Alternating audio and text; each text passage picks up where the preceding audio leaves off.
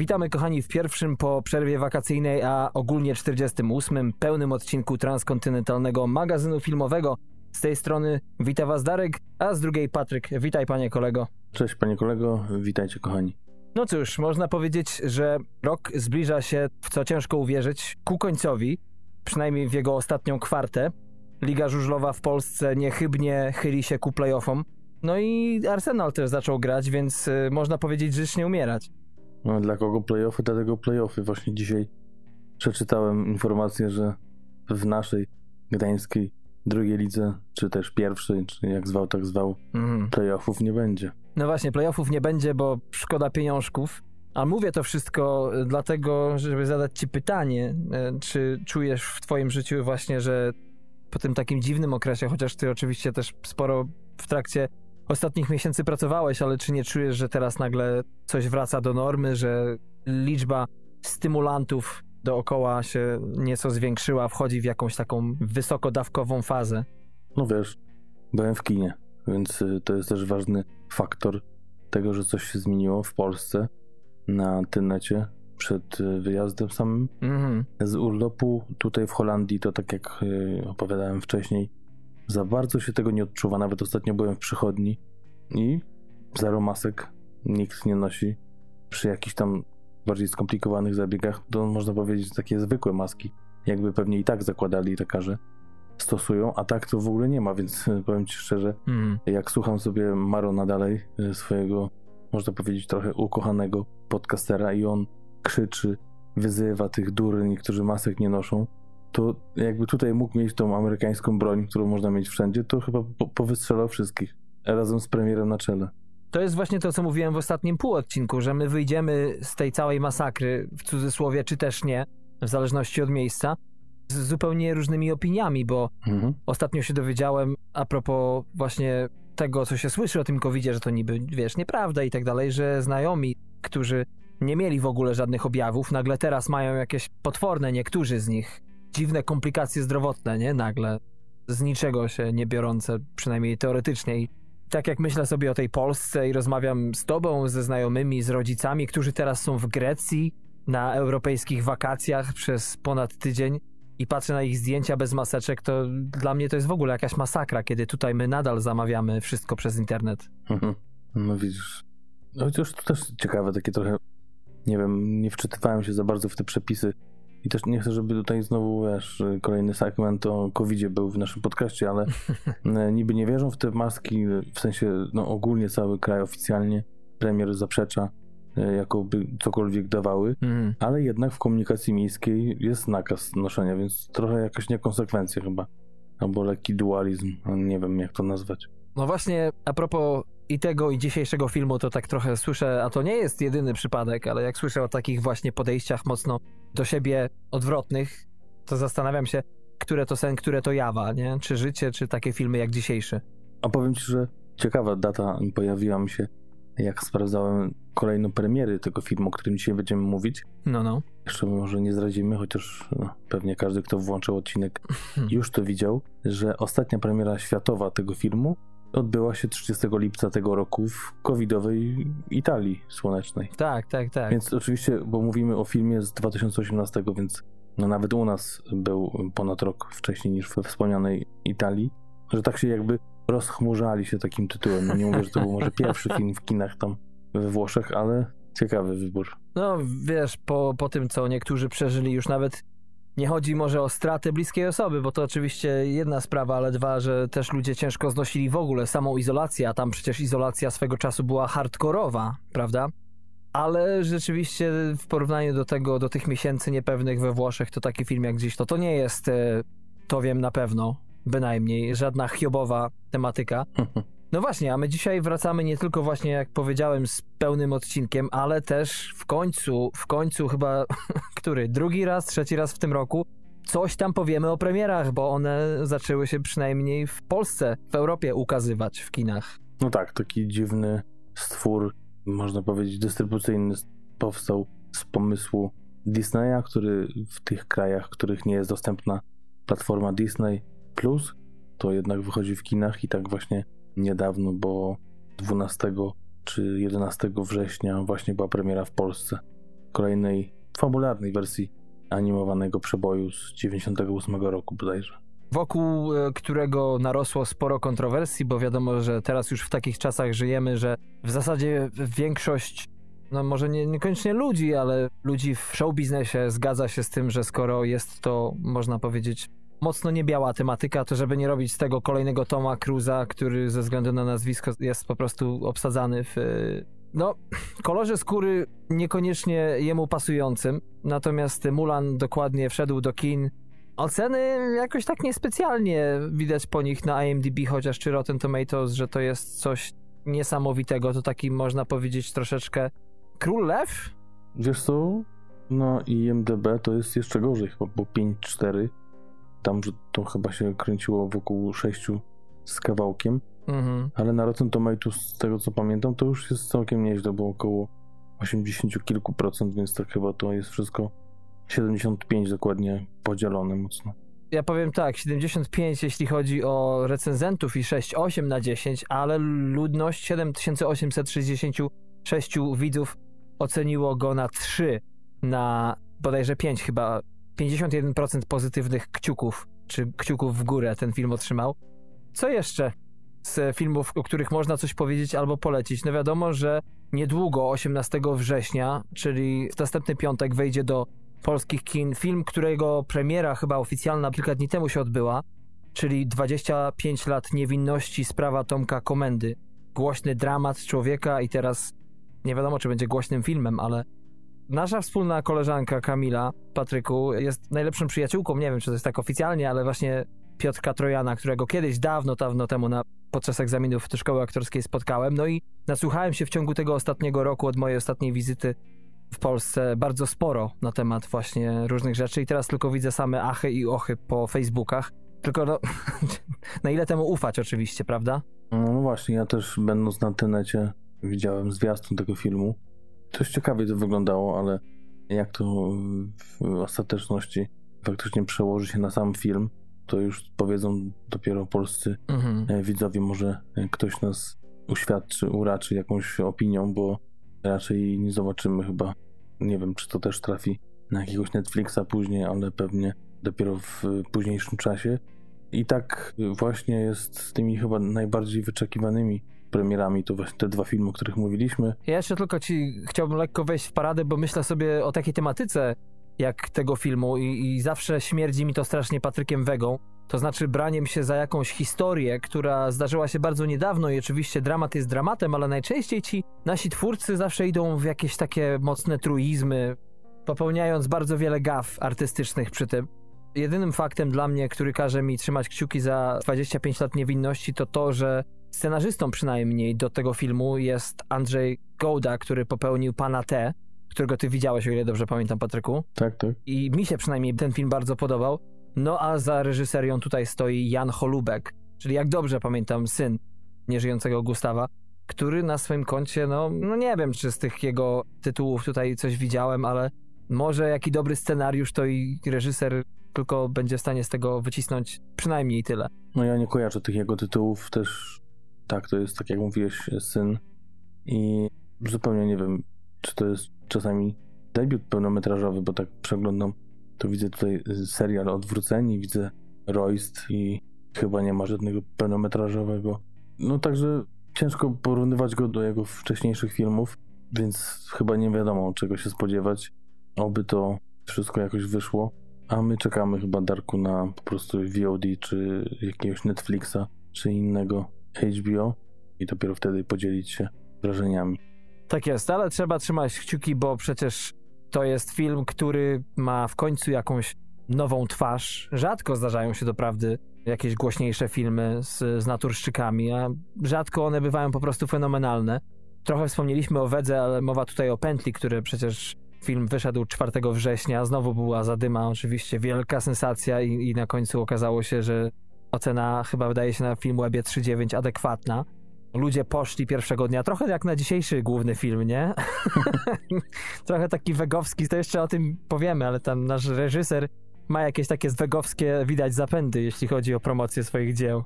No wiesz, pytanie, ile on miał do powiedzenia. Fajnie, że dali mu wyreżyserować i napisać scenariusz do filmu, który no, coś tam pewnie kosztował, Mhm. ale zakładam, że i promocją też zajmowały się jakieś inne osoby, które no, myślały, że jakimś tanim chłytem marketingowym e, wypromują i sprzedadzą film.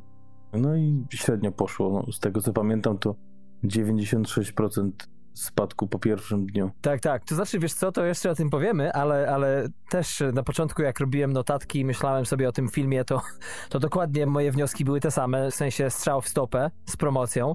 Ale już potem, wiesz, tak po godzinie myślenia o tym, po tym całym marynowaniu się moich myśli, zacząłem dostrzegać, ze względu na to, czym ten film jest, pozytywy tej akcji, ale o tym za chwilę. Jeszcze żałuję, tylko dodam, że Teneta nie miałem okazji obejrzeć.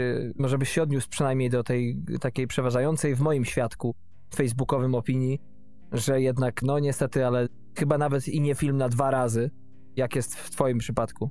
No właśnie powiem ci szczerze, że słuchałem nawet takiej ciekawej recenzji na YouTubie pana, który obejrzał ten film dwa razy, tak dość bezspoilerowo, bardzo Mhm. sympatycznie o tym opowiadał. Mówił, że kilka rzeczy zauważył, ale szczerze mówiąc, to mi się wydaje, jak z, ze słabym żartem czasami coś powiem żonie, że ona się nie śmieje i pytam się, czego nie zrozumiałaś. No, no, no.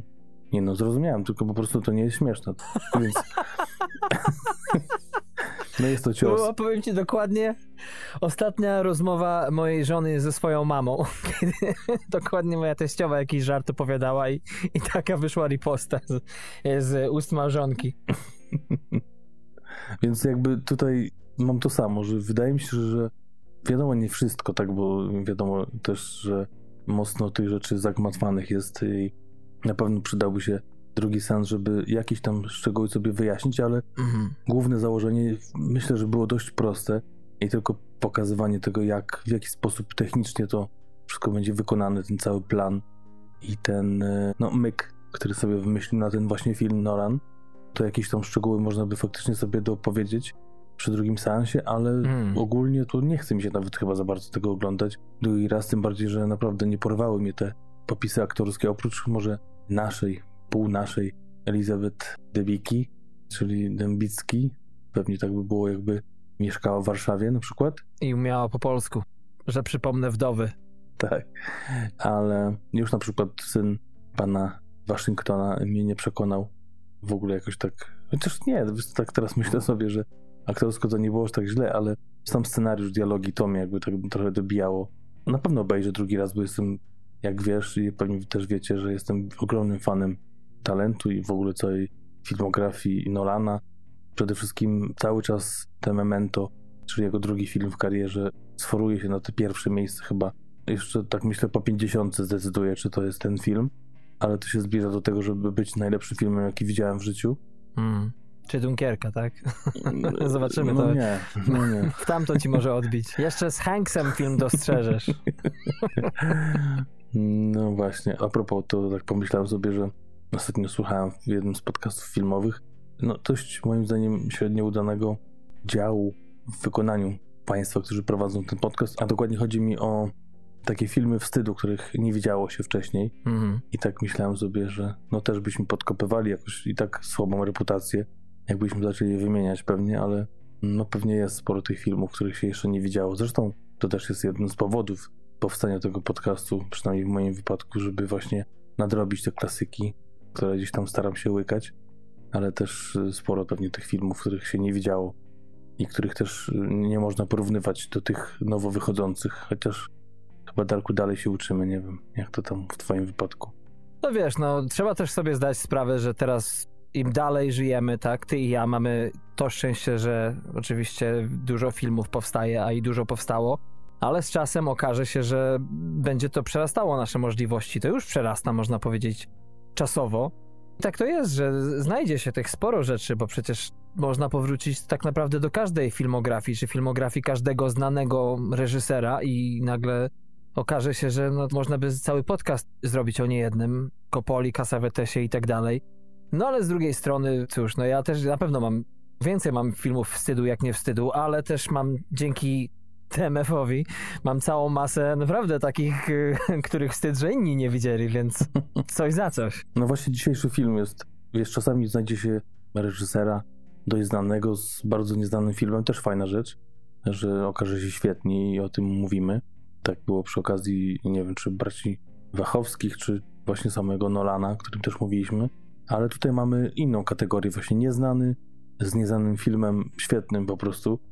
I to jest chyba jeszcze podwójne takie podbicie tego szczęścia, że się znalazło i można się takim czymś podzielić. Dokładnie, czyli Long Day's Journey into Night, czy też po polsku Długa podróż dnia ku nocy. Tych, którzy będą szukali tego filmu, prawdopodobnie zaspokoi, zadowoli właśnie angielski tytuł Long Day's Journey into Night. No i przechodząc żwawo do niego, dokładnie tak jak mówisz, to jest film, który, jak już chyba napomknąłem wcześniej w którymś z odcinków, to był film, który mi się wydawało, że naprawdę był popularny.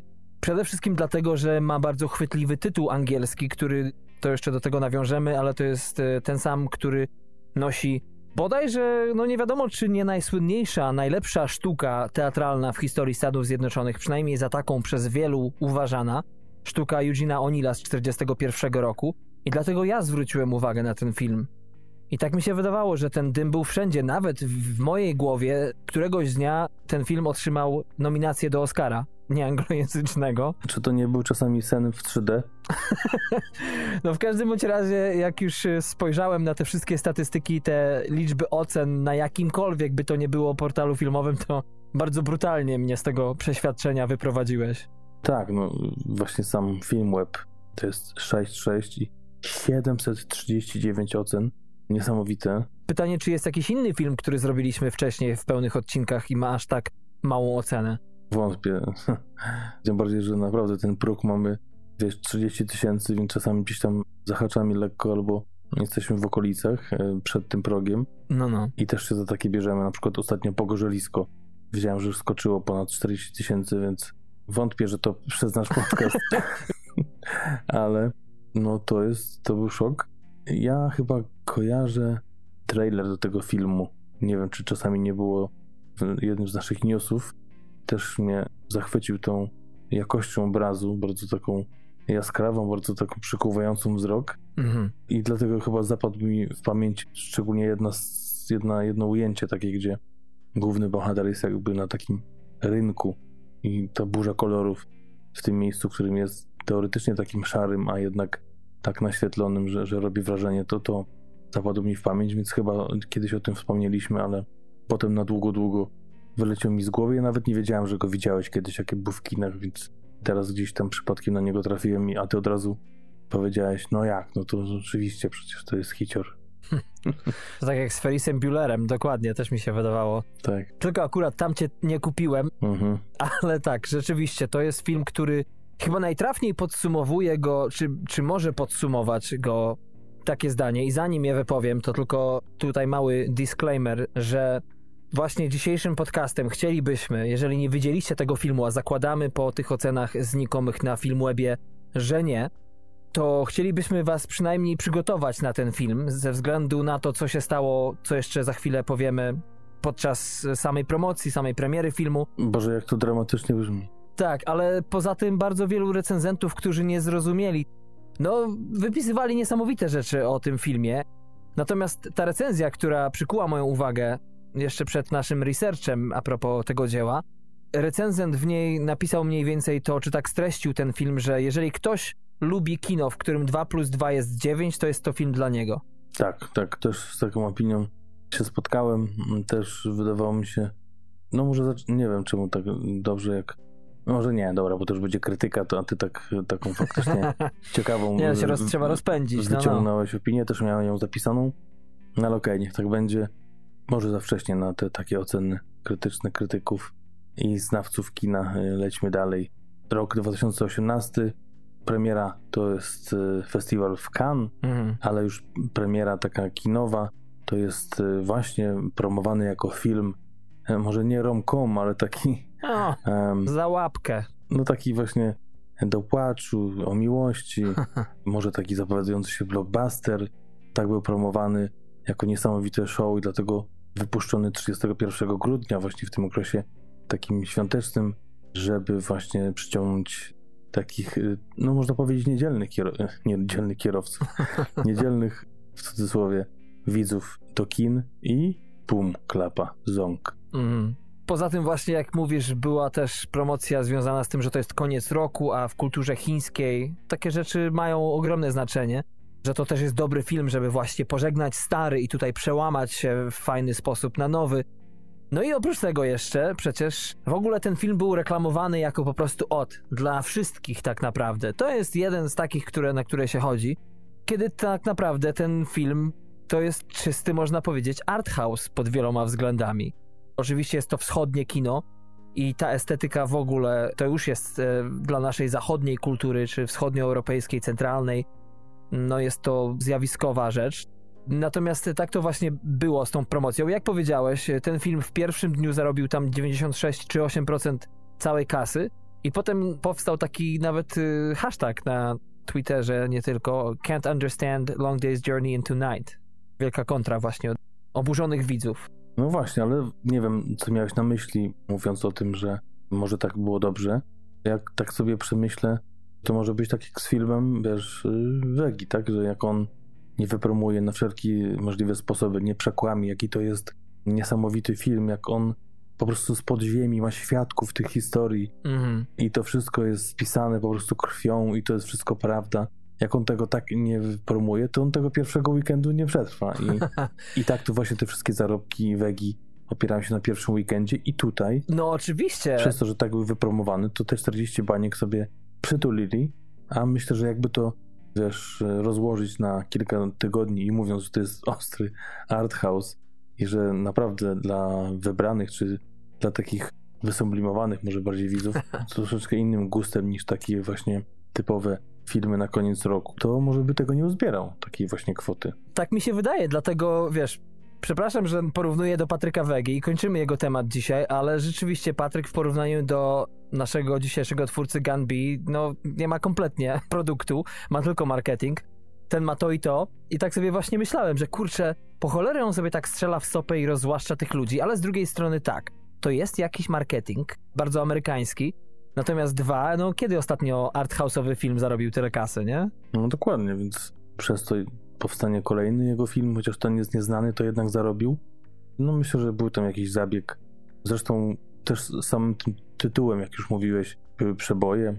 W ogóle takie dosłowne tłumaczenie po angielsku to też jest Last Evenings on Earth, więc też gdzieś tam było w tematyce końca roku, Mhm. więc to też myślę, że mogło przykuć e, widownię, ale no on bardzo ciekawym obrazem się inspirował, o którym też mówił i też e, nawiązywał do tego, chociaż już sam ten tytuł, znając tą historię, że może być porównywany do tego dzieła literackiego amerykańskiego, znając to, jednak podjął decyzję, że to tłumaczenie będzie bliższe jakby duchowi filmu, lepiej właśnie w ten sposób brzmiało, chociaż do dzisiaj gdzieś oglądałem jakieś wywiady, że jak wpisze się ten tytuł, to naprawdę trzeba grzebać daleko, żeby minąć te wszystkie recenzje tej sztuki. Tak, tak, tak. Jeremy Iron, Ironsa, który się tam wcielał w główną rolę w sztuce, która w ogóle nie ma nic wspólnego tak naprawdę z tym filmem. Nie, nie, to znaczy... Chociaż jest uznawana Tak. i znana przez y,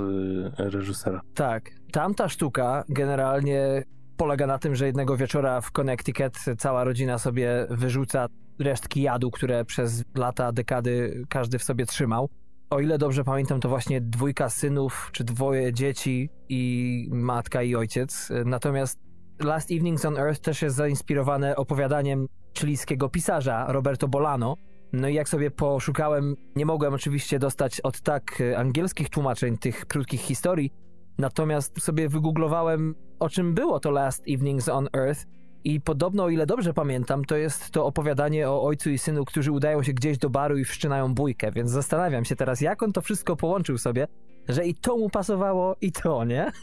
No ale jak widzicie, kochani, jest sporo zadymy a propos tego filmu. Jeszcze nie powiedzieliśmy o nim nic kompletnie o czym jest, więc Patryku oddaję tobie tutaj pole do popisu.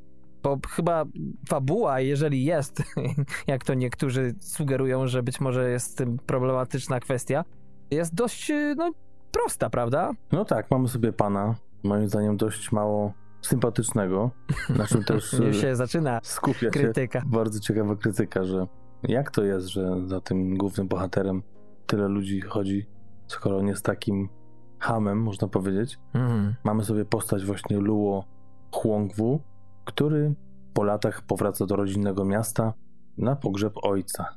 Tutaj poznajemy lekko historię naszego bohatera.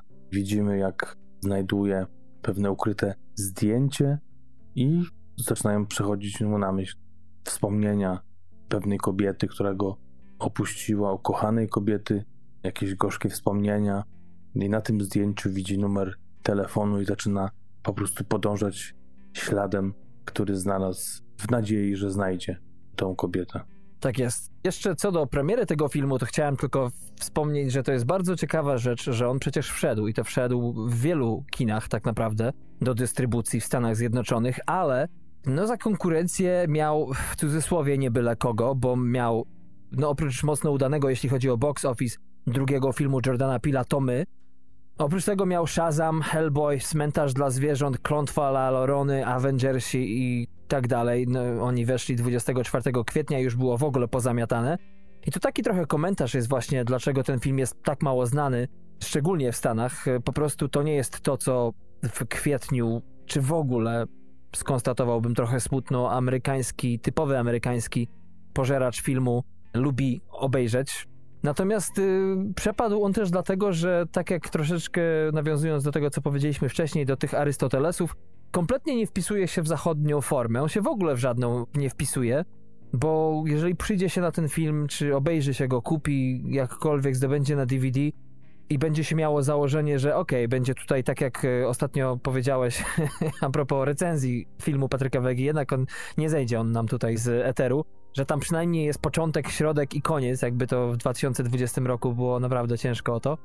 A w dzisiejszym filmie, no właśnie, nie za bardzo chyba tutaj można szukać takich standardowych elementów narracji. No wiesz, ten film jest podzielony na dwie części, zresztą to też ciekawe, że nie wiem, czy reżyser toczył jakieś walki na planie, czy ze swoją ekipą, ale mm, ponoć tyle materiału nakręcił tej pierwszej części, mm. że dużo było głosów właśnie z jego ekipy, czy może to by nie starczyło na cały film i po co już kręcić tą ostatnią sekwencję, mm. która była najbardziej epicka, właśnie o tym też nie powiedzieliśmy jeszcze, 59 minut ujęcia bez cięć i to jeszcze w 3D mm. i do tego jeszcze wyszło naprawdę spektakularnie jak sobie tak pomyśleć, że wyciąć tą scenę, to, to chyba czegoś by zabrakło, ale no kto wie, co tam zostało powycinane z tej pierwszej części. Ja tak czułem za pierwszym razem, jak obejrzałem ten film, za drugim jakoś mam tak ostatnio, że kompletnie pochłaniam te rzeczy w całości, ale nie obejrzałem nigdy tego filmu w 3D, w tej drugiej części. I muszę powiedzieć, że czytając już potem wypowiedzi niektóre reżysera, który bronił właśnie tego użycia. Nie tyle kamery 3D, bo tak jak w Zaginionym Mieście Z, jak ktoś pamięta, tam też e, była mowa, że nie użyli kamery 3D, bo ona jest za ciężka niestety, żeby podążać przez te wszystkie załuki i zakamarki. Tak tutaj też przerobili dopiero w postprodukcji te sekwencje na 3D. Ale to, co on mówi właśnie o tym, o czym za chwilę głębiej, że, że dlaczego potrzebne było to ujęcie, ono się po prostu broni mocno. I to broni się w sposób naprawdę, no nawet nie widząc tego w 3D, rozumiem kompletnie, dlaczego tak to zrobił i gdyby mi przyszło w oryginale, w kinie obejrzeć ten film, to, to, to pewnie jeszcze większe brawa bym bił. No właśnie powiem ci szczerze, ja widziałem to w 2D, w sensie tą drugą część i troszeczkę myślę, że zbiło mi to z tropu, bo mhm. nie spodziewałem się, że zmiana, do której dochodzi w, w sposobie narracji i w ogóle w tym, co widzimy na ekranie, mhm. no może dotyczyć jakby, mm, może by nie spoilować oczywiście, trochę innego aspektu życia naszego głównego bohatera. Ja myślę, że to 3D, przez to, że mhm. tak jak mówił, użycie było spowodowane oczywiście, jak to Bigon powiedział, dlatego, że główny bohater zaczął tyć na planie i po prostu uznał, że 3D trochę go odchudzi, bo szczerze mówiąc, jak sobie przejrzycie wywiady z bardzo filigranowym, można powiedzieć malutką taką kuleczką, jakim jest y, reżyser tego filmu, zresztą bardzo młody chłopak, 89 rocznik, mm. to, to jest tak pełen humoru i na naprawdę nawet ciężkie pytanie odpowiada. Aż to przesady z tym żartem, że aż dziwne, że to nie wyszła komedia nie, nie tym się para, czy może w przyszłości będzie parał, bo jednak jak już przechodzi do rozmowy serio, to naprawdę to jest dość świadomy y, twórca, który też ma jakąś misję. Na przykład tego, że y, oczywiście o tym tyciu głównego bohatera to był żart, ale główną rzeczą było to, żeby pokazać głębie bohatera i głębie tych jego, można powiedzieć, historii, ale też to, żeby jednak ludzi sprowadzić z powrotem do kina, że w tym czasie właśnie, gdzie wszyscy oglądamy wszystko na telewizorach, na laptopach, na telefonach i jednak nie uda się tego doświadczyć 3D jak w kinie, to jednak to przyciągnie i spowoduje, że jednak pójdziemy do tego kina, usiądziemy razem i po prostu będziemy to przeżywać wspólnie. Tak jak, jak to fajnie porównał, jak kiedyś, kiedy wszyscy zasiedli i oglądali ten pociąg wjeżdżający na stację. No tak, Gun Beach Begun to rzeczywiście na tyle śmieszny człowiek, że jego filmy to dramat kompletny.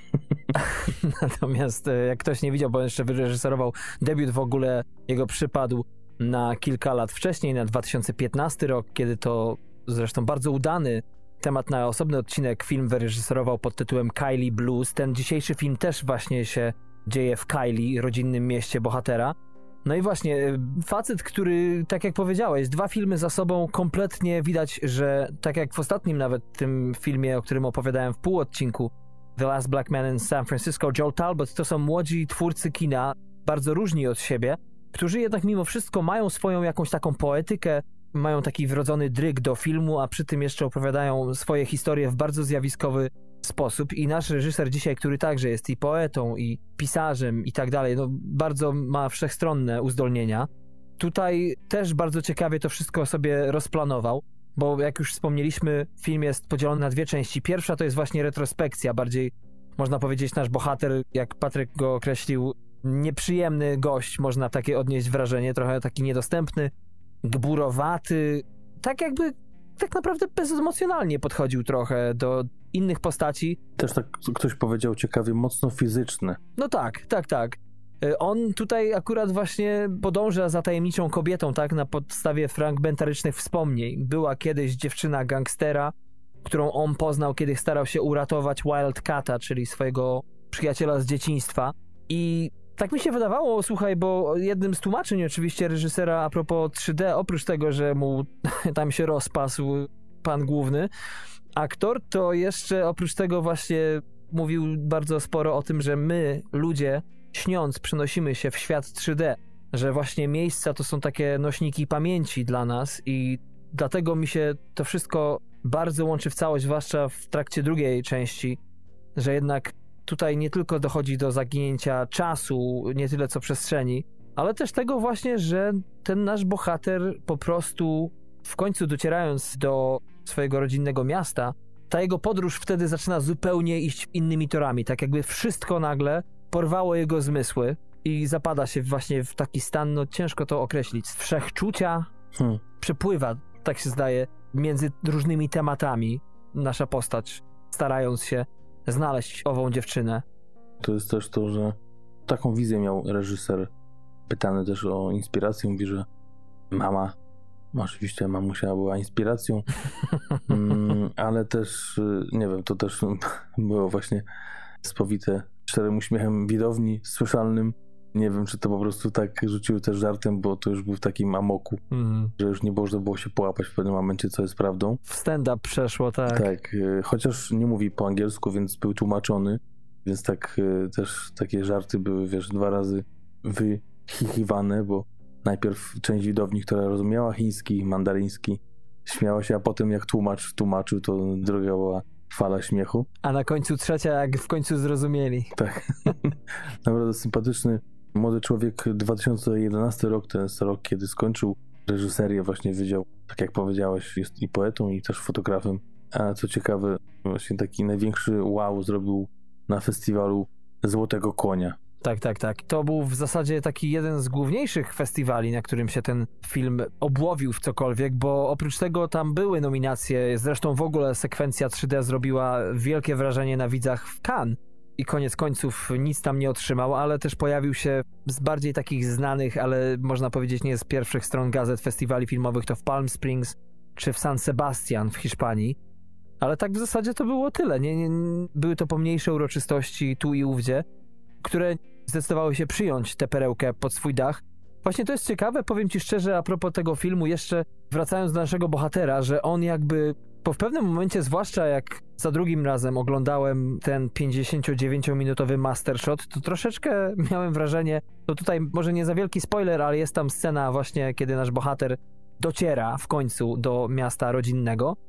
No i trochę wydawało mi się, że oglądam właśnie takiego Tomb Raidera, troszeczkę Lara Croft przez chwilę i potem właśnie jak w grze komputerowej na środku ekranu jest ten nasz bohater. Ale on się w pewnym momencie usuwa w cień. Troszeczkę, tak miałem wrażenie, że w tej pierwszej części jest więcej cukru w cukrze, a już potem jakby to oczywiście jest jego świat, perspektywa, ale też właśnie ten reżyser nie tylko w tym dzisiejszym filmie, ale też polecam bardzo serdecznie, obejrzyjcie Kylie Blues. Tam też właśnie bardzo sporo potrafi napakować świata tego i to takiego, można powiedzieć, bardzo autentycznego, tych Chin. Chin widzianych z takiego dosyć trochę niecodziennego ujęcia, w sensie, no my lubimy sobie, czy to ze względu na stylistykę filmów wschodnich, czy też po prostu to, co nam się kojarzy z Chinami, ubrać ją właśnie w taką troszeczkę bardziej antyczną szatę, prawda? Tych Chin takich z wielkimi polami ryżowymi, z murem chińskim, z tymi pięknymi domami, z prostotą ubioru. A tu nagle przecież te Chiny to są troszeczkę taki, no można powiedzieć, no Ukraina to nie jest, ale niedaleko, nie?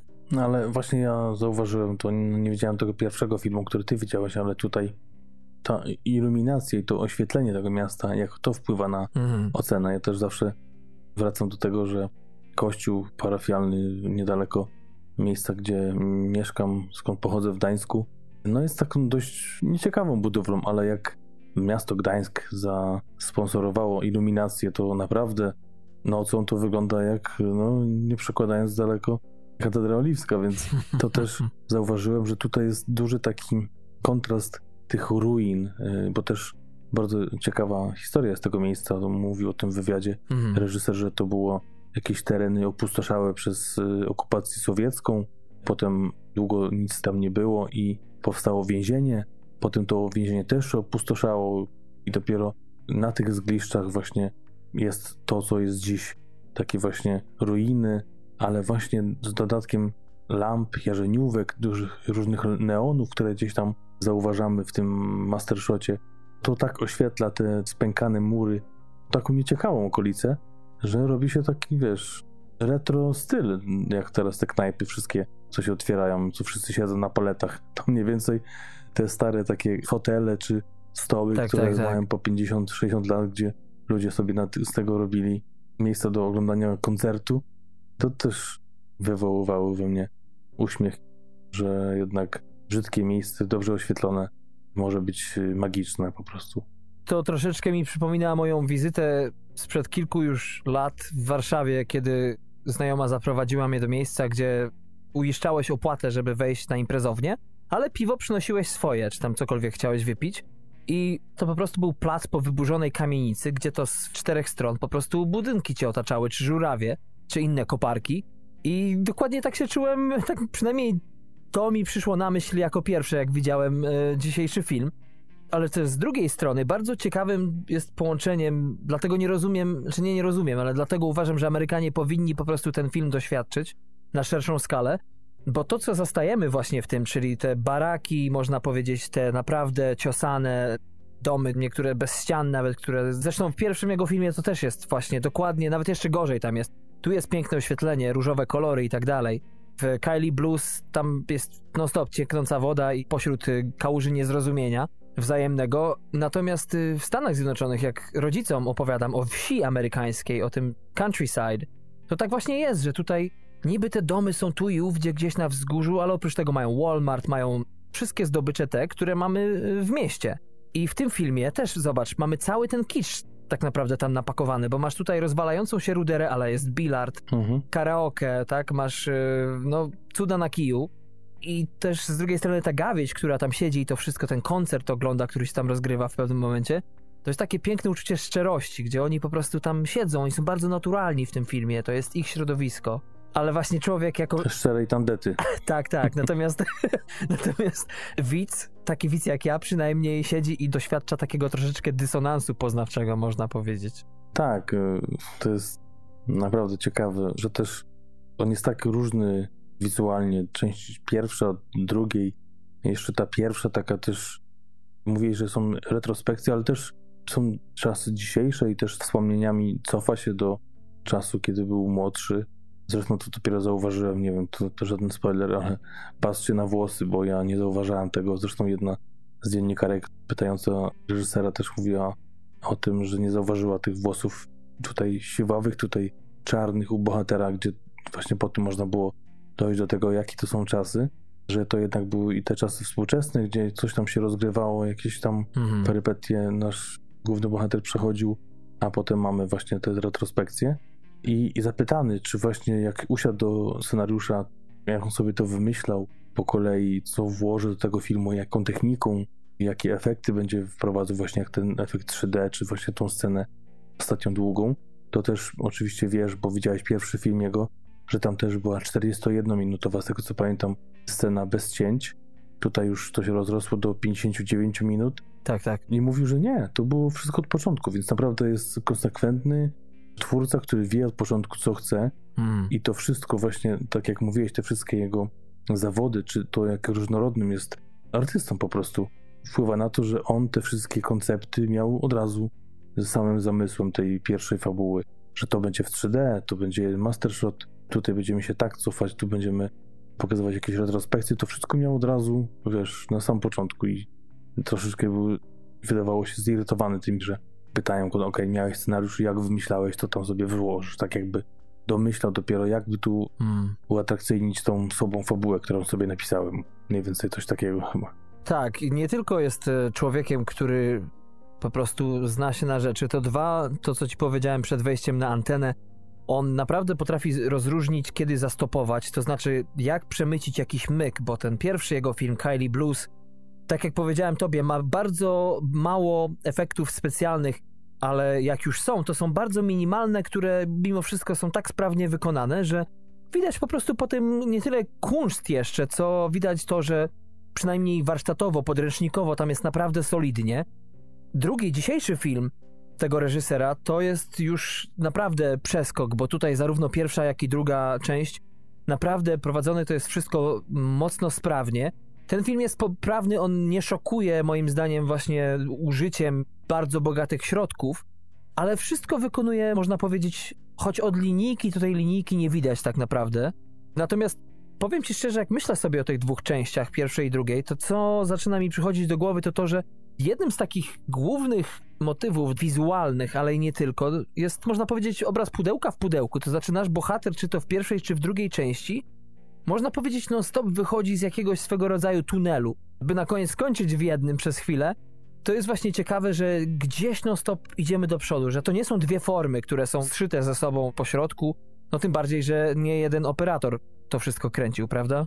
Tak, zresztą z już wrodzonym sobie humorem odpowiedział no bardzo ciekawe pytanie, jak on też podszedł do tej drugiej części, gdzie mamy tego master shota, gdzie naprawdę dużo się dzieje.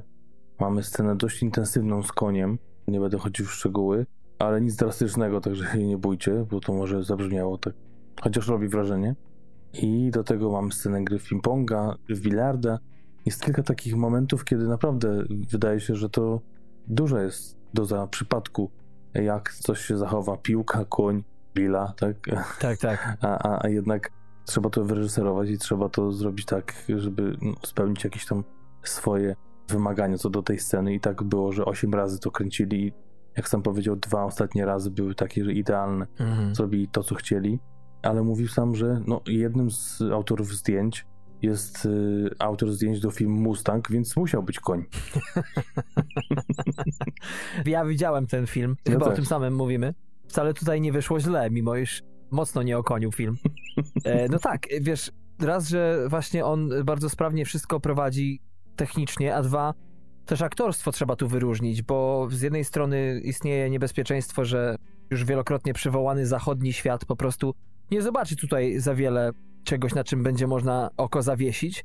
Natomiast patrząc po prostu jak wszyscy, od naturszczyków kompletnych, nie wiem czy ci naturszczycy to nawet nie lepsi są niż naprawdę ci frontlinerzy, chociaż tym nic nie można zarzucić. Natomiast wszyscy dokładają tutaj swoją bardzo ważną cegiełkę. I to nie jest takie moim zdaniem proste. Sam jestem aktorem, więc mam jakieś pojęcie, ale żeby nie tylko to było moje zdanie, to nie pamiętam, czy widziałeś, Helen Mirren daje te zajęcia masterclass z aktorstwa i... Nie, nie, nie widziałem. No właśnie, u mnie na YouTubie często pokazywała się reklama, kiedy ona szła przez scenę, siadała pośrodku kamery na krześle i po krótkiej pauzie powiedziała: Właśnie wykonałam najtrudniejsze zadanie aktorskie, jakie jest. Przejść się jak człowiek. Tak, tak. I tak samo jest przecież też z reżyserią czy ze zdjęciami, jak się studiuje, że jedną z pierwszych etiud na studiach filmowych w Polsce, w Łodzi, jest nakręcenie dwóch osób, które idą. I tylko tyle student dostaje. No i moim zdaniem tutaj to nie jest tylko bycie w tym filmie. Oni naprawdę wszystkie te rzeczy, nawet jeżeli jest taki moment w tym bilardzie, że nagle wydaje mi się, że to jest naprawdę wszystko super wyreżyserowane, wypolerowane i to wszystko im wyjdzie, ale oni ogrywają to, cokolwiek tam by nie wyszło. Czy ping-pong przecież.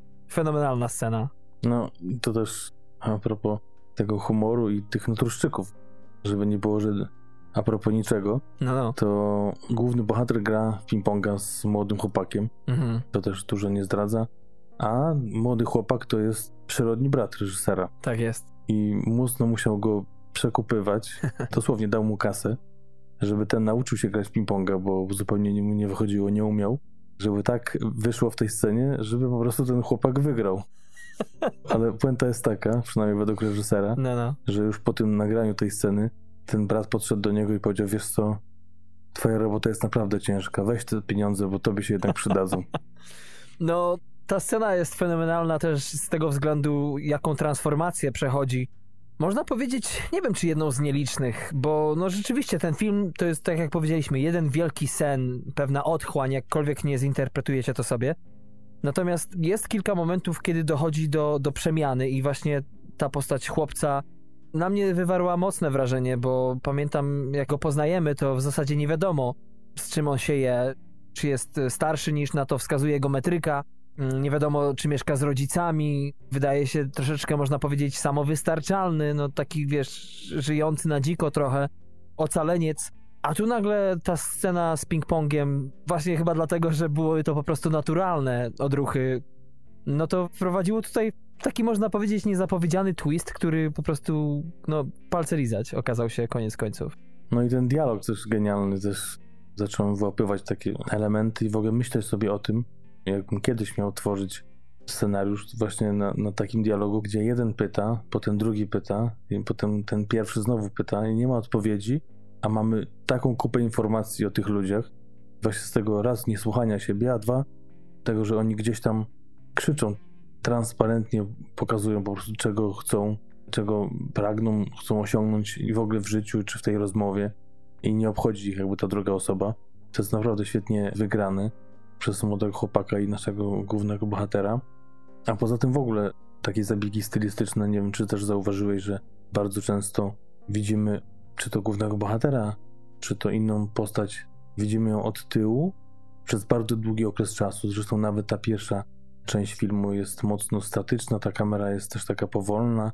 Ona się dużo nie różni od tej drugiej części, gdzie mamy tego mastershota, Mhm. ale jednak czasami z niewiadomych względów oglądamy, moim zdaniem, ten tył bohatera, bo też on do końca nie jest ukrywany. Jak na przykład jest jedna scena, gdzie przez pewien czas nie widzimy twarzy bohaterki i nagle z nienacka ona się po prostu odwraca. To nie jest jakiś twist, gdzie coś tam wyskakuje, tylko po prostu się odwraca, bo tak akurat się ustawiała do kamery i tyle. I też kilka takich zabiegów jest, w którym widać styl i to, że on może czerpie z, z jakichś tam twórców, bo też mówi o wykorzystywaniu kolorów jak Vertigo Hitchcocka, Tak, tak. czy też mówi o Blue Velvet Lyncha Mhm. i kilku innych filmach też Tarkowski Tak, tak. mocno inspirował, ale jednak widać, że z tego wszystkiego zrobił swego rodzaju swój styl już teraz po dwóch filmach y, w wieku 30 lat. Tak, oczywiście. Zresztą to troszeczkę znowu nawiążę tutaj do pierwszego filmu naszego reżysera. Właśnie w Kylie Blues, oprócz tego, że tam jest też master shot, to w ogóle jego styl prowadzenia kamery, czy raczej braku prowadzenia, główną jego zaletą jest to, że mimo iż ta pierwsza część w dzisiejszym filmie, jak i cały ten debiut, sprawia wrażenie, jakby tam cięcia w ogóle nie było. Jakby to nie było efekciarstwo właśnie znane z zachodnich filmów, tylko bardziej już właśnie ten Tarkowski, który można powiedzieć, że dzisiejszy reżyser to troszeczkę taki jest jeszcze bardziej wschodni Tarkowski. Zresztą tam jest bardzo wiele. Nie wiem, jak dobrze znacie, kochani, jak ty wiele, Patryku, przebrałeś jego filmów, ale wydaje że to był film Nostalgia, o ile dobrze pamiętam, jeszcze z lat 80. Natomiast jest taka scena, kiedy bohater idzie chyba końcowa scena filmu z, ze świeczką i ma za zadanie przez 11 minut tę świeczkę przenieść. I trochę mi to właśnie stylistycznie przypominało naszego reżysera. No oprócz tego właśnie to, co powiedziałem, to, że w pierwszej części on tego nie tnie, on niekoniecznie ustawi kamerę tam, gdzie trzeba, raczej bardziej pozwala temu światu po prostu sobie istnieć, nie? No właśnie, trochę jesteśmy takim obserwatorem ustawionym nie do końca w wyreżyserowanym miejscu, tak jak mówisz, że trochę nonszalancką tą kamerę stawiał i taką perspektywę czasami dziwną widzimy. Też na przykład uderzyło mi, kiedy główny bohater zostaje zatrzymany przez policjanta, który chce mu coś wręczyć i nie pójdzie oczywiście w koło do drzwi, tylko przeskoczy przez naczepę i, i z tyłu miejscem, gdzie powinno być okno, którego tam oczywiście tej szyby nie ma, przekazuje mu informację i odchodzi, żebyśmy mieli w tym jednym ujęciu wszystko, te spotkanie, tego policjanta jak odjeżdża, jak przychodzi, czasami właśnie jakby mówi, no, macie tu kamerę i tu macie się zmieścić, wszystko ma być pokazane. Tak, tak, Koniec tak. tematu. Akcja. Też bardzo piękny element magiczny w tym filmie jest związany właśnie z postacią tej dziewczyny owej tajemniczej, którą on kiedyś znał, w której się kochał, której poszukuje non-stop, której na imię T One, jeżeli dobrze to wszystko wymówiłem. Natomiast jest taka scena, kiedy on pyta się właśnie, czy druga osoba zna tę kobietę, to ta mu odpowiada Simon One, przecież to gwiazda filmów, przestań tam bajać. Dlatego jest też takie zamieszanie z nazwiskiem naszego reżysera, bo w Chinach najpierw jest nazwisko, potem imię, natomiast w Stanach czy w Polsce się to odwraca raczej. No i tutaj właśnie z tego wynika taki troszeczkę nie tyle efekt komiczny, co potem jak sobie człowiek uświadomi, no to rzeczywiście to jest taki dziwny sen, nie wiadomo czy ludzie z nim grają, niektórzy w jakieś kulki lecą, czy rzeczywiście nikt nie kojarzy. On się ciekawie rozpływa w ogóle, kiedy przybywa do, do swojego miasta. Chyba najwięcej wtedy tego zagubienia widać. On też, tak jak powiedziałeś, że na początku może nie przypada do gustu, chociaż mi tam raczej nie zrobił negatywnie, ale na kontrze jakby do tego w drugiej części, no już robi się troszeczkę, można powiedzieć, mniejszy. Chociaż nie traci oczywiście swoich też walorów. Ja bym powiedział, że to jest taki kochliwy szowinista. Taki, taki tulipan na speedzie. Dokładnie, więc y, no, nie wiem, na pewno nie jest delikatny w stosunku do kobiet i to żadnej, którą spotyka na, na swojej drodze. No nie. Do żadnej nie jest, można powiedzieć, nie jest miły, a jakoś w jakiś sposób do niego lgnął, nie wiem. No, no. No, niektórzy faceci tak mają, no, Darku, niestety to nie jesteśmy my. No nie było tak w liceum, tak? Że te najładniejsze to zawsze z tymi najgorszymi? Mm, dokładnie. Jakoś to jest, że nie lgną do poetów. No nie wszystkie. Tak, y, i tutaj właśnie mamy taką sobie ciekawą postać, też no, świetnie zagraną, jakkolwiek można go nie lubić, to jednak Yu Huang, dość znany aktor, ja no, może nie, nie przytoczę teraz filmów, w których go widziałem, ale ta twarz jest dość mocno znajoma. Mhm. Świetnie się wywiązuje z roli, zresztą Wei Tang, czyli główna postać kobieca, która tam się przewija, też jest y, dość znaną aktorką, zresztą do Mhm. samego chyba, z tego co pamiętam, Hongkongu poleciał, żeby namówić ją do gry, chociaż jak powiedział, nie było z tym większego problemu. Tak oczywiście w wywiadach mówił reżyser. No ale też ponoć z opowieści szykowali się na coś yy, no dość krótkiego, bo trzeba powiedzieć, że to jest 2 godziny 18 minut cały film, z czego ostatnie ujęcie 59 minut, więc ten początek dość krótki, więc myśleli wszyscy, że to będzie krótki film i produkcja też nie będzie zbyt długo trwała. Mówi, a przeciągnął ich rok czasu. Mhm. Tego się nikt nie spodziewał, niestety, ale tak wylądują. No nie wiem, czy dobrze pamiętam, ale to przecież on nawet tam te rzeczy no nie tyle zmieniał, co bardzo sporo ewoluowało a propos tego właśnie, jak co miało wyglądać. To jeszcze ta scena jednak 59-minutowa nie była nagrana raz, tylko tam wiele razy zanim podobno osiągnął to, czego chciał. No, osiem razy, tak to mówiłem wcześniej. Aha, mhm. Też, y, No nie słuchałem, bo mówiłem. Kontynuując jeszcze te żarty naszego reżysera, też y, zapytany o to wzruszenie głównego bohatera w tej ostatniej scenie, łzy, które płyną w momencie, kiedy zjada jabłko, pytał się, jak to właśnie powstało, jak to sobie wymyślili, powiedział, że nie było problemu z tymi łzami, bo za każdym razem, jak tą scenę kręcili, to nasz główny bohater otrzymywał jabłko po prostu technicznej osoby, która jednocześnie e, parała się naprawą wózka, przyniesieniem cementu, tankowaniem samochodów, wózków, które tam wykorzystywali, więc za każdym razem dostawał taką umorsaną od paliwa, od smaru jabłko i nie było trudno łzy w takich sytuacjach. No tak. Też ciekawym elementem tego filmu jest to, że mimo iż nie da się go zaszufladkować, to z drugiej strony, no, ma w sobie coś, choćby na przykład z thrillera noir, prawda? Bo mamy tutaj główną postać bohatera, który pełni funkcję w podobnych thrillerach detektywa najczęściej. Ten też dzisiejszy ma przecież tajemnicę, którą musi rozwiązać, którą, na której mu zależy. No i mamy właśnie i gangsterkę w tym filmie, co zresztą nie wiem, czy tobie zrobiła strasznie ta scena, ale jest scena karaoke, bodajże gdzieś po środku filmu, bliżej właśnie tej sceny 3D.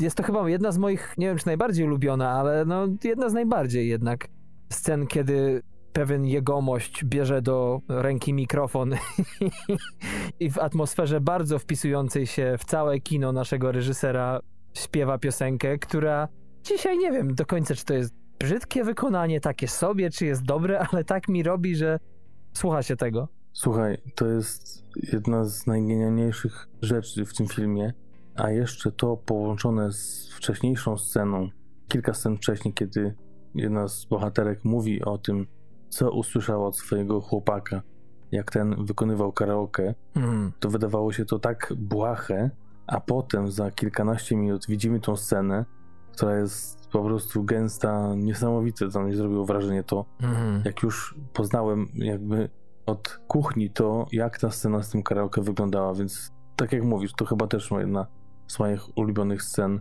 jak nie najbardziej ulubiona od samego początku. Ona dowodzi jak nic, czy może nawet nie dowodzi, ale ona jest świetną lekcją dla takich ludzi jak e, już chyba główna postać w dzisiejszym odcinku, czyli Patryk Wega. I zwłaszcza bardzo wątpliwie, to moja osobista tylko i wyłącznie opinia, co ci powiedziałem Patryku przed wejściem na antenę, rola czy obsadzenie w głównej roli Antoniego Królikowskiego te dwie rzeczy po prostu się nie komputują strasznie. Pozdrowienia dla wszystkich. Natomiast te dwie osoby, czy nie wiem, czy Antoni, bo to nie jest po prostu ten casting. Natomiast jeżeli nie masz gościa, przed którym wszyscy się rozchodzą na ulicy na lewo i prawo i chcesz nakręcić scenę, która nie tylko będzie powodowała u ciebie gęsią skórkę, nawet może przerażenie, ale też która jeszcze będzie naprawdę miała w sobie bardzo fajny ładunek artystyczno-emocjonalny w pozytywnym tego słowa znaczeniu, to to jest chyba taka scena podręcznikowa, którą po prostu należałoby od dzisiaj wpisać do kanonu o to, z czego mogliby twórcy czerpać.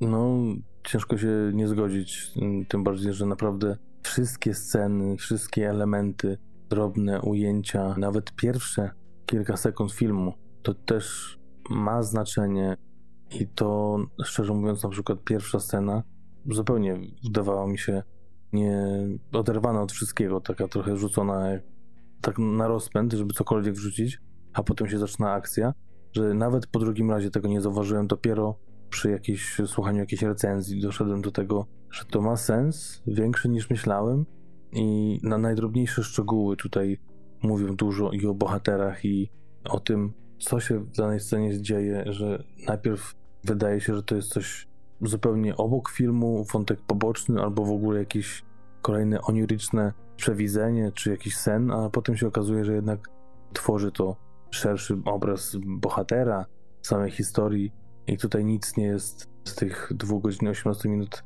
na marne. Nawet też mówią o tym, że w tym głównym ujęciu, w tej drugiej scenie, nudnie patrzy się, jak ktoś wchodzi po schodach. No, ja już jestem w takim transie, że ja po prostu wchodzę za nim, tak, za tą główną postacią. I dla mnie tam każdy gest, każdy przyruch jest ważny a nie, że to jest coś, no jak można patrzeć jak facet przez tam 3 minuty je jabłko, tak, bo też jest taka scena. Ale te emocje, to jest chyba kolejna ulubiona. Tak, zresztą to też jest ciekawe, bo mimo iż ten film jest o głównym bohaterze, tak, i mamy ten wątek, nie wątek i wiele tych postaci pobocznych, to jednak są takie perełeczki, mini perełeczki, które z jednej strony pobudzają mnie, mam przynajmniej twoją i moją ciekawość a propos postaci, bo ta scena jedzenia jabłka właśnie, czy też nawet tych dwóch chłopaków y, z bilarda, tyle tylko możemy zdradzić, nie wchodząc w szczegóły, to są takie mało znaczące momenty, można powiedzieć, dla głównej osi filmu. Natomiast mimo wszystko jednak na chwilę nas zatrzymują i karmią nas. Tak jakbyśmy to my jedli te jabłko, mimo wszystko przy tym dając tyle sprzecznych elementów wizualno-dźwiękowych. Człowiek po prostu prawie, że jakby za karę jadł to nadal, ale z drugiej strony no nie, nie skończysz, dopóki jabłko nie zniknie. No ja też miałem kiedyś taki etap w życiu, że w życiu to nie, ale nie wiem z czym to się na, tak naprawdę wiązało, ale też miałem tak, że zjadałem jabłka całe razem z ogryskiem. Mhm. Nawet kilka razy ten ogonek zjadłem, ale jak się potem okazało, to, to nie wchodzi do jabłka. Słuchaj, nie bój się, bo jesteś w bardzo dobrym towarzystwie. Ja tak samo miałem, zresztą ja tak nadal mam, a tylko dlatego, że po prostu zawsze zostawałem z tym ogryskiem i nie było śmietnika najczęściej wokół, a ja bardzo nie chciałem po prostu rzucić tego. Tak byłem wychowany, tak mi wbite było do głowy. Dlatego, kochani, ten film naprawdę ma wiele takich momentów, w których jakoś się odnajdziecie. Nie ma nic na pewno zbędnego w tym filmie. Jest to, tak mi się wydaje, Patryku, że. A może zanim jeszcze do tego przejdę, bo troszeczkę chciałem podsumować już ten film tym wnioskiem, ale jeszcze zanim to, to chciałbym tylko powiedzieć o, o tym, że ta druga część nawiązuje do tego jeszcze raz. Tam jakby bohater zaczyna w końcu drążyć siebie samego. Tak mi się wydaje, że w tej pierwszej części on jednak ma wiele pytań w stosunku co do innych rzeczy, do innych osób, tak? Chce się dowiedzieć, pilne mu to jest. Natomiast w drugiej części bardziej milczy, ale też te rzeczy, które widzimy, to jakby to już jest ten jego świat wewnętrzny, tak mi się wydaje. Choć też nie jest to nachalnie nam serwowane.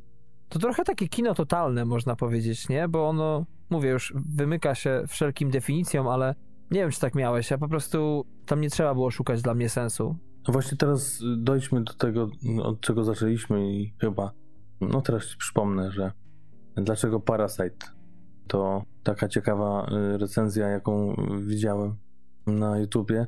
Dlaczego Parasite jest tak promowanym filmem z Azji, a nie właśnie ten film, który na pewno, jeśli chodzi o stylistykę, jeśli chodzi o zdjęcia, jest jeszcze piękniejszy, pół półeczki wyżej, z historią ciekawą, chociaż właśnie tu też można by się odnieść do takiej krytycznej oceny, z którą ciężko się też chyba nie zgodzić, bo myślę, że mocno prawdziwe mogą być takie opinie, które mówią, że estetyka jest tu traktowana priorytetowo ze szkodą dla narracji, bo ta historia nie jest jakaś skomplikowana, nie jest jej dużo.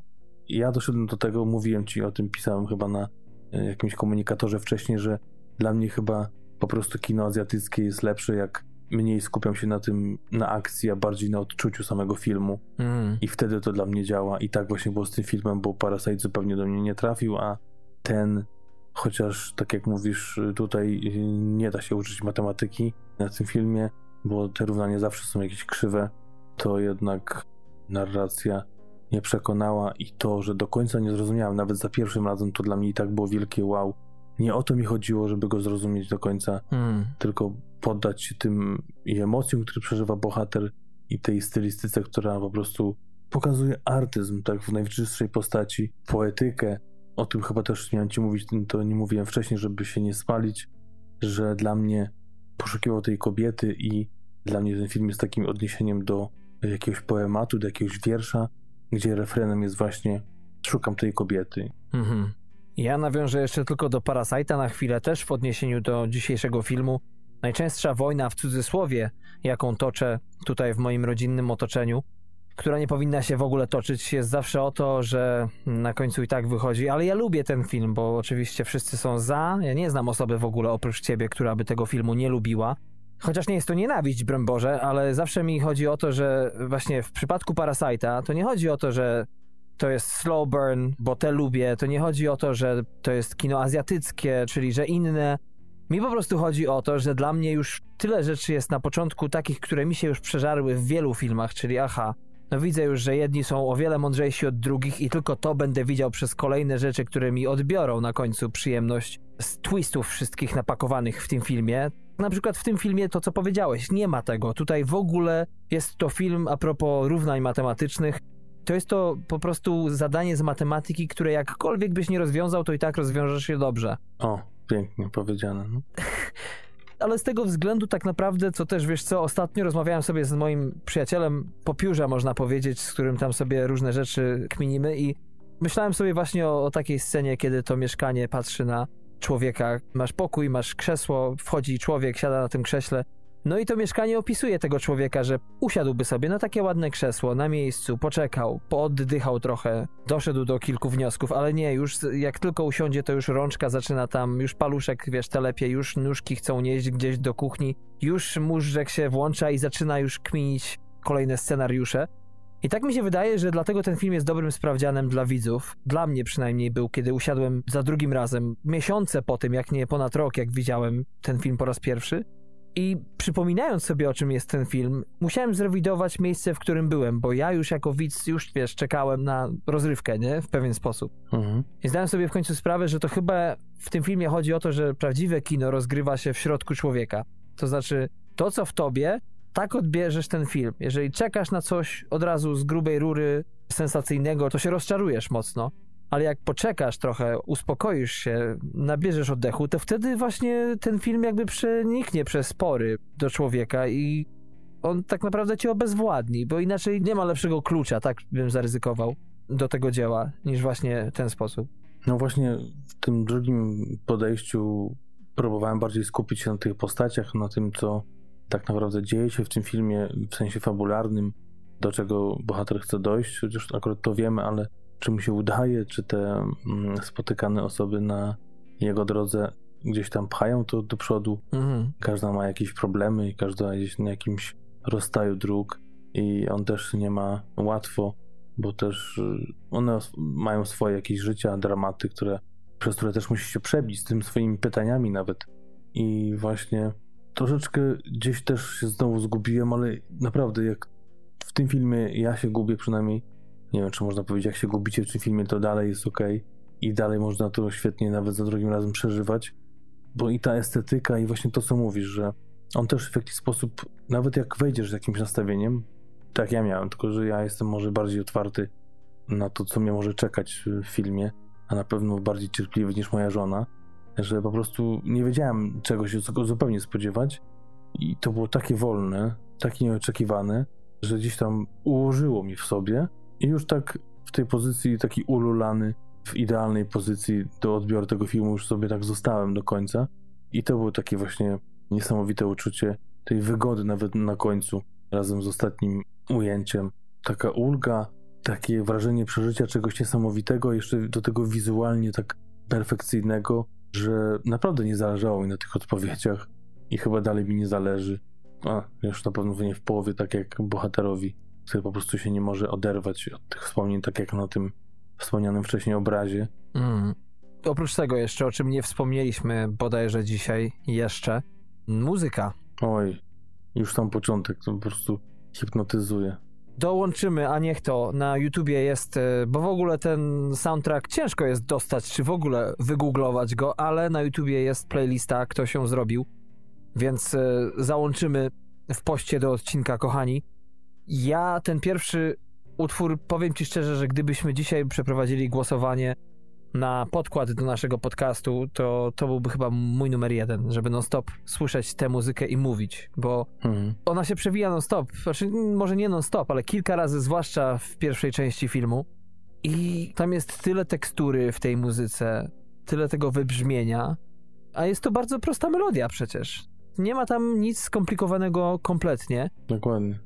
W ogóle nasz reżyser bardzo dobrze bardzo często, bardzo chętnie i gęsto korzysta z, nie tylko z muzyki, bo tutaj jest tego więcej. W pierwszym filmie o wiele mniej. Można powiedzieć, to są dwa światy. To jest bardzo ciekawe studium początkującego, można powiedzieć, twórcy, który śmiało bardzo sobie poczyna i wchodzi na coraz większe salony, czy przynajmniej przedpokój urasta za każdym razem, jak się pokazuje z nowym dziełem i to bogactwo tego całego dźwięku dookoła nadaje bardzo wiele atmosfery. I ten świat jego z fabularnego debiutu jest światem bardzo brzydkim, bardzo brutalnym.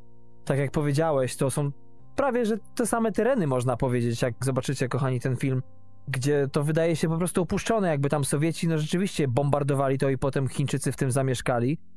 Ale jednak tutaj on to wszystko spowija jakoś tak niesamowicie, że można powiedzieć, pierwszy jego film to spojrzysz na ten świat i od razu go odrzucisz, w sensie mm, tutaj nie ma w ogóle bata, żebyś się sprowadził, a w drugim jakby już przechodzimy, no dobra, ale jak już ten wstręt przejdzie i te światła na ten kościół skierują, no to rzeczywiście spacer się wydłuża, nie?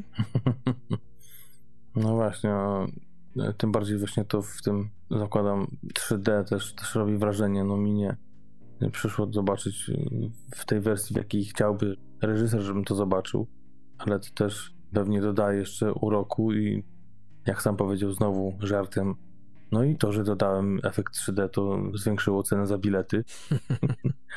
to też pewnie coś dodaje, chociaż nie wiem, w pewnym momencie wydawało mi się, że, że cieszyłem się, że widzę to w 2D, a nie 3, bo wiem, że ten obraz jest trochę ciemniejszy. Mhm. Z drugiej strony wiem, że też były głosy takie, przebąkiwali dziennikarze o tym, że idziesz do kina, wchodzisz do sali, dają ci okulary i je zakładasz. Mhm. A tutaj przez pół filmu nie ma tego efektu i ktoś tam mówił, czy jakiś komentarz w internecie był chyba przeczytany, że ktoś siedział pół filmu i zastanawiał się, dlaczego ten film taki ciemny jest. się okazało, że po prostu ma te okulary, które powinien założyć dopiero w połowie filmu. Hmm. Sam reżyser powiedział, że miał taki plan i takie było założenie, żeby była taka plansza informująca, że możesz sobie te okulary założyć oczywiście kiedy chcesz, tak. ale sugeruję założyć to razem z głównym bohaterem. Trochę mi to przypomina, powiem szczerze, ten komentarz pod jednym z naszych odcinków na YouTubie podcastu, że miał być tak. film, a nie paplanie. E, no tak, no to tylko dowodzi właśnie, chyba tak przynajmniej ja się auto przekonuję, że nie da się wziąć tego filmu po prostu siłą. Tu trzeba wyczekać to wszystko i przestać po prostu czekać, aż coś nam udowodni nasz reżyser.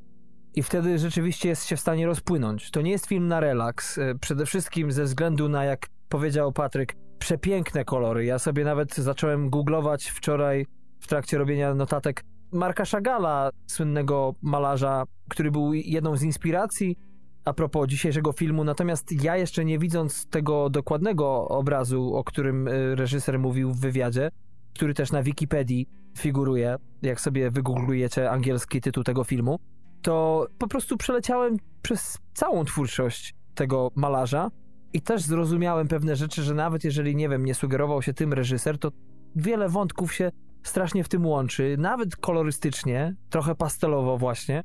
I trochę też przypominało mi czasami, nie wiem dlaczego, Pulp Fiction, przynajmniej plakat do filmu, jakoś gdzieś coś w którymś dzwoni kościele.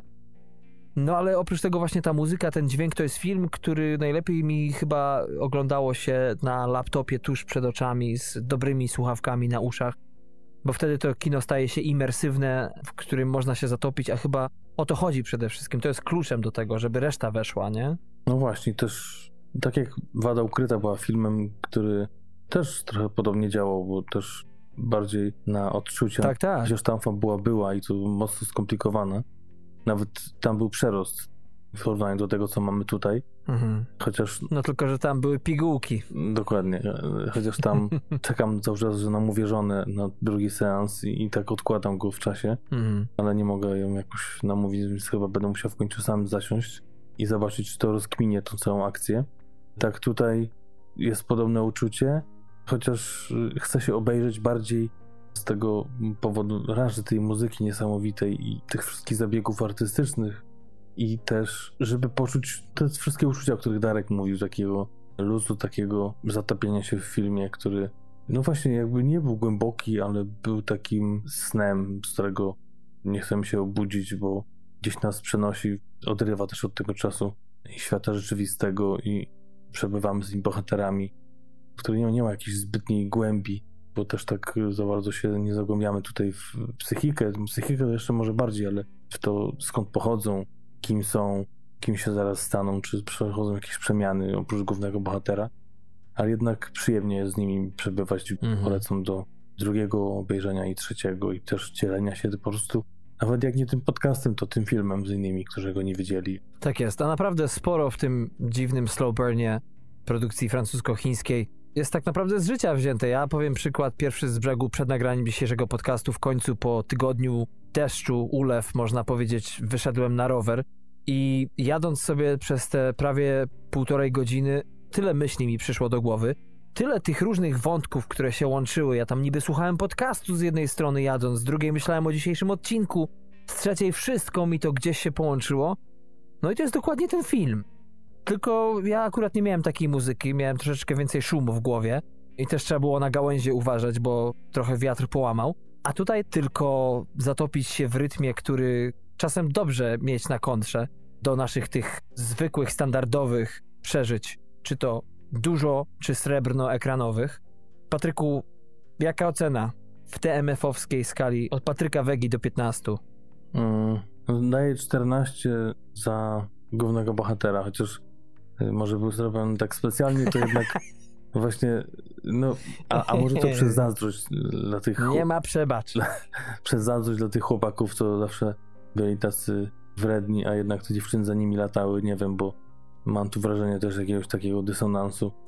dla, dla tych ludzi, dla tych, może z zazdrości, ale zabieram temu filmowi ten jeden punkt. No właśnie, bo ten film nie tłumaczy, ilu jest takich bardzo zjawiskowych, bo on jest zjawiskowy, ten bohater na tle wielu, można powiedzieć, pobocznych postaci. Może tam jest gdzieś klucz, a może to w ogóle nie o to chodzi, żeby tu jakiś klucz był, bo i drzwi nie ma. Jeżeli już to tylko okno. Ja też daję 14, 14,5 nawet mogę powiedzieć. To jest dla mnie moim zdaniem arcydzieło. Nie dam mu 15 tylko dlatego, że muszę ten film jeszcze raz obejrzeć i tę scenę 59-minutowego mastershotu w 3D. To wtedy może rzeczywiście się rozpłynę. Tego mi jednak brakowało i tam był taki malutki, pamiętam za drugim razem element, no nie znużenia, ale musiałem sobie przypomnieć, że to mam oglądać właśnie lekko przesunięte w fazie. I to była taka bardziej teoretyczna przyjemność ale dalej się dzieje, żeby nie było. Właśnie tutaj przy tym filmie reżyser zmienił podejście do upoetyzowywania swojego filmu, bo może pierwszego filmu nie widziałem i też tej krótkometrażówki, która mu się tam przetrafiła i jest takim jednym, jego brylancikiem wśród tych krótkometrażowych, które zrobił, ale mówił o tym, że tam przemycał wiele właśnie wierszy, poetyki, takiej właśnie typowo literackiej, a tutaj chciał od tego odejść, żeby raz zmienić ten podejście do właśnie tego upoetyzowywania filmów i żeby film sam w sobie był takim właśnie wierszem, poematem. Sam mówi, że nawet przejście jednej osoby obok drugiej może już być poetyckie i to chyba mu się tutaj idealnie udało. Tak jest. Jak to słynne powiedzenie mówi, nawet sam wódz nie określiłby tego lepiej. Even the Führer couldn't have said it better. Kochani, Długa podróż dnia ku nocy z angielskiego tytułu Long Days Journey into Night po chińsku Die Zweite Hodayan. Jeżeli jakkolwiek wstrzeliłem się w ten dla mnie niezdobyty jeszcze bastion językowy pewnie nigdy. Film niesamowicie wyjątkowy. Zawsze mówimy o tym, że kolejna perełka to jest tą perełką, ale nie pamiętam kiedy ostatnio aż tak naprawdę głęboko gdzieś zakorzenioną, głęboko schowaną wydobyliśmy z tego oceanu filmowego. Jest to hipnotyzująca, tak jak mówi opis filmu, podróż tajemniczego mężczyzny, powracającego, można powiedzieć, do swoich korzeni. I to tyle, kochani, jeśli chodzi o dzisiejszy pełny 48 odcinek transkontynentalnego magazynu filmowego. No i co, Patryku? Jakaś się pewnie zdarzy mini recenzja jeszcze w międzyczasie. Potem pewnie twoja połówka i tak yy, będzie się kręciło to wszystko, nie? Można powiedzieć. I tak do siego roku, tak, tak do świąt.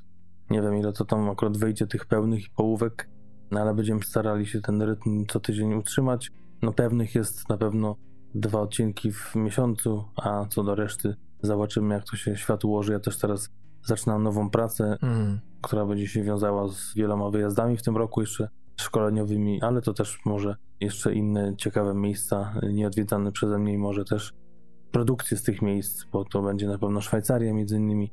Szwajcarskiego filmu, z tego co pamiętam, jeszcze nie mieliśmy. Tak jest, kochani. Jeśli chodzi o te nasze mini recenzje, to tak jak wspomniałem, to tak naprawdę są nasze, można powiedzieć, pełne odcinki. To znaczy, z Patrykiem zamiast robić najczęściej solowe bonusy, stwierdziliśmy, że jednak lubimy o tych rzeczach rozmawiać, że też ich nie było ostatnio za wiele w kinach czy w telewizji. Więc tak naprawdę te mini recenzje, jak jeszcze niektórzy z Was nie mieli okazji posłuchać, znajdziecie naprawdę sporo tam perełek serialowych zwłaszcza. Natomiast y, to jest właśnie taki nasz pełny odcinek, tylko może bez większego backgroundu. Tam jest po prostu od razu do dechy, od zera do stół i... No i to też jest nasza opinia, co raz nam się podoba, raz nie. A te perełeczki tutaj w pełnych odcinkach to jednak są takie nasze zgodne, używając liberum veto, jeśli takiej zgody nie ma, nie ma żadnej dyskusji, odrzucamy film jak komuś z nas się nie podoba, a w tych mini recenzjach to jednak dyskusje o filmie czy serialu, ale nie zawsze pozytywne. A czasami jest kupa śmiechu. Tak jest. Trzymajcie się, dziękujemy serdecznie za to, że jesteście z nami, że nas wspieracie, że nas słuchacie, subskrybujecie oczywiście na każdej apce podcastowej, na Lektonie, Na Spotify jesteśmy dla tych, co non-stop na komputerze, to i na YouTubie się znajdziemy bez konieczności odpalania niczego w telefonie. www.tmfpodcast.com nasza strona domowa.